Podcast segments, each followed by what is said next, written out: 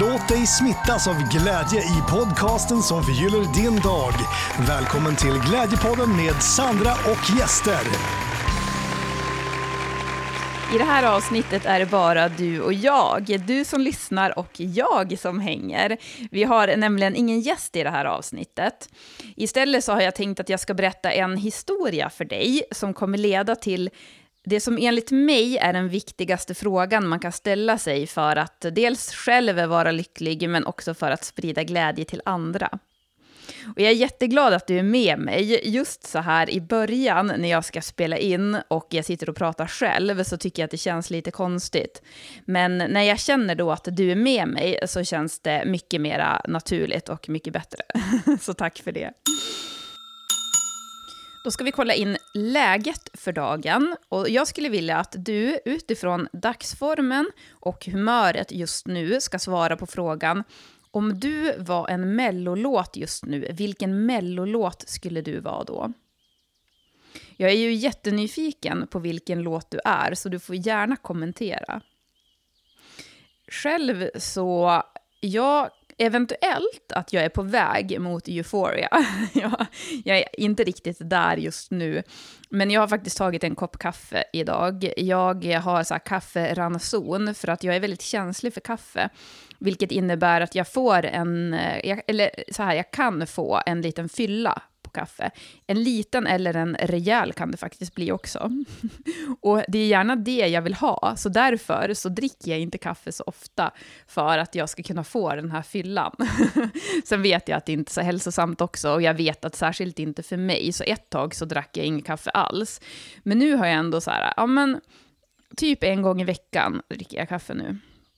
Och Eh, ja, just precis nu så dricker jag en kopp faktiskt, så att vi får se hur det här poddavsnittet slutar. Nu är du förvarnad i alla fall. Så eventuellt att jag är på väg mot euphoria, men jag är inte riktigt där och jag har en klockle, klockren, du ser ju, fyllan har redan satt igång, jag kan inte ens prata. jag har en klockren låt. Och det är faktiskt en av mina favoritmellolåtar, The Ark och The Worrying Kind. Det är en sån där låt som jag blir väldigt danssugen och glad när jag hör den. Samtidigt så är jag just nu, som jag skulle säga att jag är en kombination av texten och den känslan. Alltså den här glada, peppade, danssugna känslan i kombination med den här oron som är i texten. Jag ska inte säga att jag är jätteorolig, men jag har haft lite så här att det har blossat upp någon gammal Ja, men känslor av någon, någon form av trygghet som jag har saknat i livet. Och eh, då har jag varit lite i de känslorna.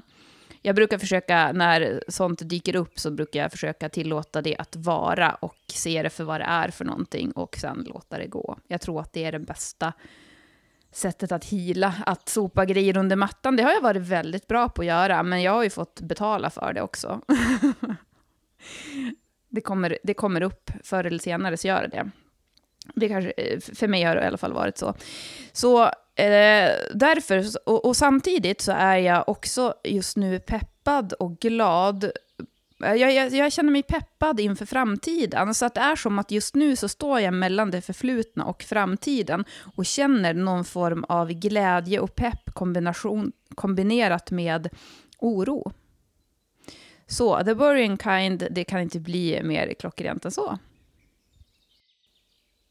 Lite orolig är jag också. Jag är ju orolig för Britney Spears. Jag har, jag har sett på den här dokumentären, den senaste dokumentären med henne, det finns säkert flera stycken. Du kanske har hört det, det går ju rykten nu om att eh, hennes pappa typ äger henne och hon är omyndigförklarad och folk håller på och ska försöka göra henne, fri, hjälpa henne att bli fri på ett eller annat sätt. Och jag har ingenting att säga om den saken, för jag har ingen aning. Jag ska inte lägga mig i det. Däremot, så det som oroar mig, det är just hur man behandlar människor, att man inte behandlar människor som människor och sen att man behandlar människor olika, att vissa höjs upp till skyarna. Och det farliga med att höja människor till skyarna, det är att man sen också kan, det där, det som blir då när man sätter någon på en piedestal, det blir att den dyrkan lätt kan gå över till hat. Och, eh, eh, hur, och även det här med hur man tjänar pengar på på människors framgång och människors olycka. Och hur man ser människor som pengamaskiner, som man gör med, med många stjärnor, tyvärr jag tror att Avicii hjälpte till och väcka oss där och nu tror jag att vi väcks ännu mer. Så jag, trots att jag känner oro för det här, för jag mår inget bra när jag ser på det. Och när jag ser på Britney när hon var väldigt ung och vuxna människor, på tal om det här med trygghet, men som kommer och intervjuar henne och man fattar ju att det enda de vill det är ju bara att sälja rubriker och ställa henne frågor som de inte överhuvudtaget, alltså vem har att göra med om hon är oskuld eller inte, det är ju ingen som har med det att göra. Jag, jag förstår som inte riktigt hur vuxna människor, jag tänker alltid om man intervjuar en person ska väl ändå syftet vara att få fram det bästa av den personen så att den själv ska känna sig nöjd och för att man ska kunna inspirera andra, eller att den personen ska kunna inspirera andra, men, eller att den får säga precis vad den vill. Om Britney nu hade velat berätta om hennes privatliv så hade hon säkert gärna fått göra det, men ja, nej, eh, ja, det har varit lite skevt där, men Eh, som sagt, jag är optimistisk och jag tror att vi börjar förstå att vi behöver, att vad som är viktigt verkligen på riktigt. Det kanske också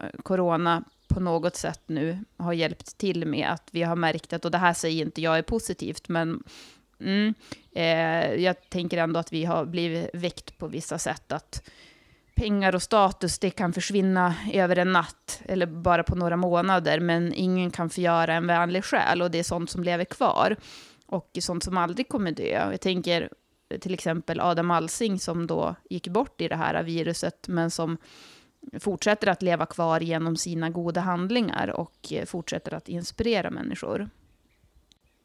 Det är det också som jag ska komma in här på eh, i min historia som jag ska berätta, som leder till den här härliga frågan som bara levererar evig lycka till dig.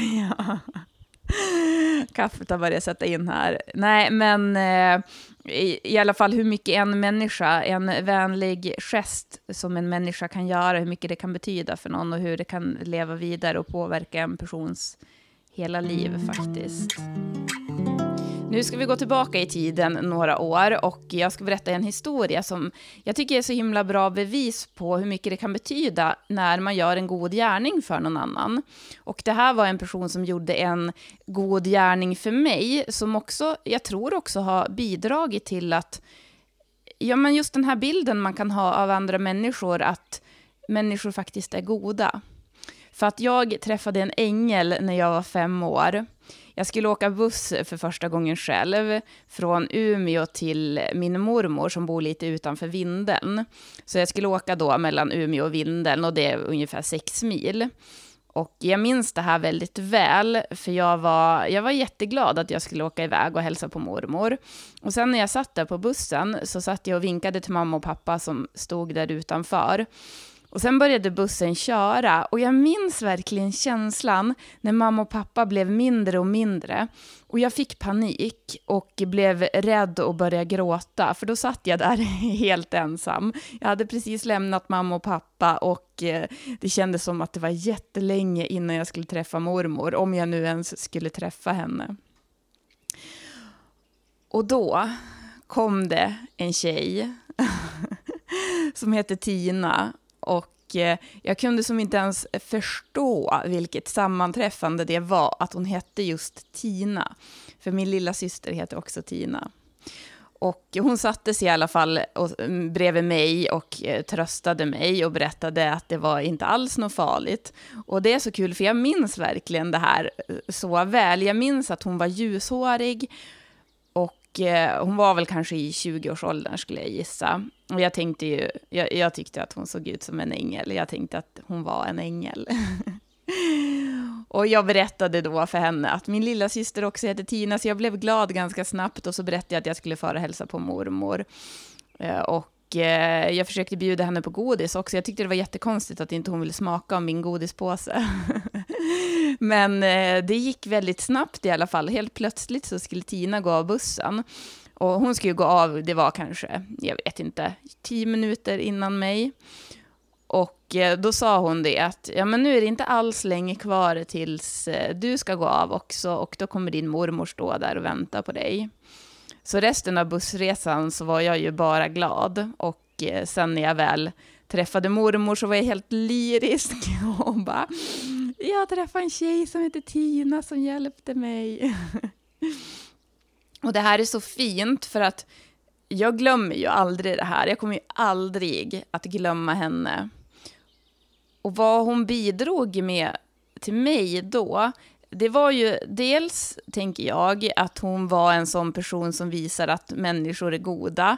Men sen också att just det här med, när jag var inne på det här med trygghet tidigare, att man vet faktiskt aldrig vars tryggheten kan komma ifrån. Så att nu så kom ju hon där som en ängel och gav mig trygghet när jag kände mig ensam och ledsen. Och man vet aldrig heller själv i vilka sammanhang man kan bidra med trygghet till andra människor. Och jag sa ju att jag skulle ge dig nyckeln till lycka genom en, den viktigaste frågan som jag tycker att man själv kan ställa sig. Och det är frågan hur kan jag hjälpa till? För jag tror så här, jag tror att vi människor behöver ha ett högre syfte med våra liv. Och själv har jag känt så här att det här med högre syfte, det känns så himla stort. Det känns som att, oj hjälp, vad ska jag göra då för någonting för att ha ett högre syfte? Så att jag har som brutit ner det till att tänka just det här, hur kan jag hjälpa till? Och så försöker jag tänka den tanken varje dag, så ofta jag kan. Hur kan jag hjälpa till? Och då blir det som att då flyttar jag fokus från mig själv till någonting som ger mig ett högre syfte.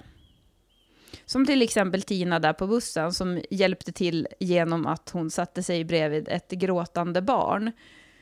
Det kan man ju verkligen kalla ett högre syfte. Och jag, jag, känner att vi, ibland så mår vi människor inte speciellt bra. Och när man inte mår så himla bra, då är det viktigt också att känna att man är betydelsefull. Och att bara vara betydelsefull för sin egen skull, jag tror inte vi är gjorda rent genetiskt för det, för att för, rent för vår överlevnad, utan om man kan känna att man är betydelsefull, bara min existens betyder någonting för andra, för att man vet faktiskt aldrig vad ens existens, hur man kan påverka en andra, annan människa. Och ju mer man kan vara sig själv där och även där också ta hänsyn till sig själv och även tänka det här med hur kan jag hjälpa till? det handlar ju inte om att man ska hjälpa till överallt och sen förlora sig själv. Utan, och inte heller pracka på någon någonting. Där har jag själv lärt mig att det, det har ju tagit, kan jag säga, väldigt mycket tyngd från mina axlar. Att inte tro att jag ska gå omkring och pracka på människor min hjälp hela tiden, eller mina råd till människor som kanske inte ens är mottaglig för det.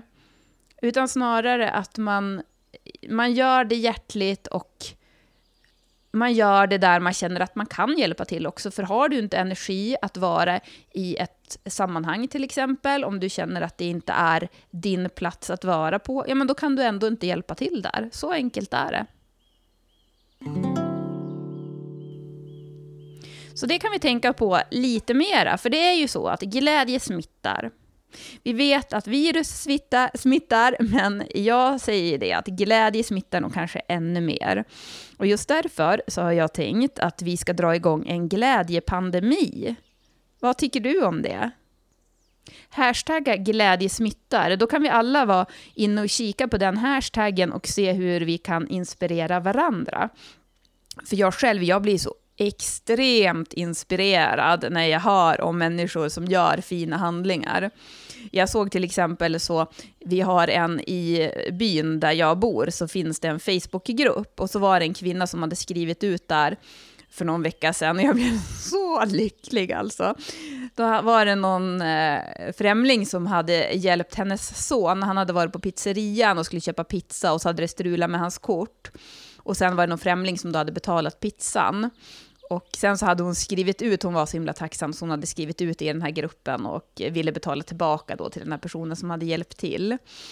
Och jag, jag kände, jag blev så lycklig, alltså jättefint att det var en främling som hade gjort det här, men sen också det som nästan berörde mig mest, det var hennes tacksamhet. Och jag tycker det var så fint, och så delade hon det, och så fick jag bli glad, och så fick flera andra bli glad också. Så kan man dela den här typen av grejer, ja, jag tror att det kan... Eh, det skulle vara intressant att se det här med pay it forward. Alltså det skulle vara intressant att se bara vad som kan hända i världen om vi verkligen går så all in nu för att sprida glädje, smitta med glädje. Skicka gärna in till Glädjefabriken. Mina kontaktuppgifter finns i poddbeskrivningen här nedanför. Men om du har någonting som du själv vill dela, om du vill berätta någonting, om du har någon bild eller om du har någonting sådär, så ska jag göra mitt bästa för att dela det här vidare. Vi brukar ju köra en glädjeutmaning också varje vecka med veckans gäst. Och nu är det ju, ja, nu är det ju du och jag som är här, så att jag tänkte att jag står väl för glädjeutmaning då. Om du som lyssnar har någon glädjeutmaning som du vill eh, bjuda på så får du gärna kontakta mig också så tar vi det en annan vecka. Det finns som sagt mina kontaktuppgifter här nedanför. Men min glädjeutmaning i alla fall, det är att om du bor någonstans där det är möjligt att mata rådjur så skulle jag vilja uppmana dig till att göra det just nu. För att nu, just nu så är det vinter och du kanske lyssnar på det här avsnittet någon gång när det inte är vinter. Jag ska nämna det här också att här, alltså det kan ju vara sådär att rådjur går över isen för att de ska få, som här till exempel där jag bor, så gör de det för att få mat. Så att då får man vara lite försiktig och inte mata dem sen när det börjar bli så att isen eh, inte håller. Så jag vill varna för det bara. Men, eh, men annars så hörde jag nu att det är 40 procent, de, de gissar att typ 40 procent av alla rådjuren kommer dö i svält i år för att det är så, de har ingen mat och det är så kall vinter så har du den möjligheten. Så. Och det de äter, det är ju, man kan ju ge så här äppelskruttar och ja, men, grönsaker. Och jag brukar skala äpplen nu, jag börjar med det sen pandemin, så jag, typ äppelskal. Nej men, ja, du vet väl ungefär vad rådjur är för någonting, annars kan man googla. Mm. Har vi något annat roligt vi kan prata om då idag innan vi säger tack och hej? Vi kan ju för skojs skull gå tillbaka i tiden lite grann igen, så jag får skämmas lite. Vi kan gå tillbaka tills när jag var 14 och varenda millimeter av mitt rum var täckt av bilder på Hanson. Och så kan vi säga då att man ska inte höja folk till skyarna. Och jag bara, va? Jag fattar ingenting. Taylor Hanson är en gud, jag lovar. Ja, herregud.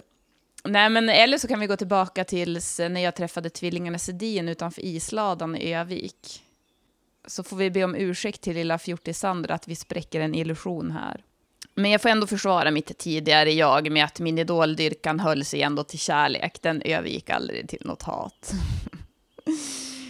Ja, nej men någonting annat roligt, på tal om det här med 40 procent. Det var ju inte så kul det här med att 40 procent av rådjuren kanske kommer dö i år, men nu ska vi mata dem så att eh, då blir det ju ändå ett lyckligt slut på det. Men jag tänker på den här, eh, vad säger man, rymdfardkosten, eller vad man nu kallar det för någonting, som landade på Mars här om bara veckan, då eh, det var 40 procents chans att den skulle klara det, och så gjorde den det.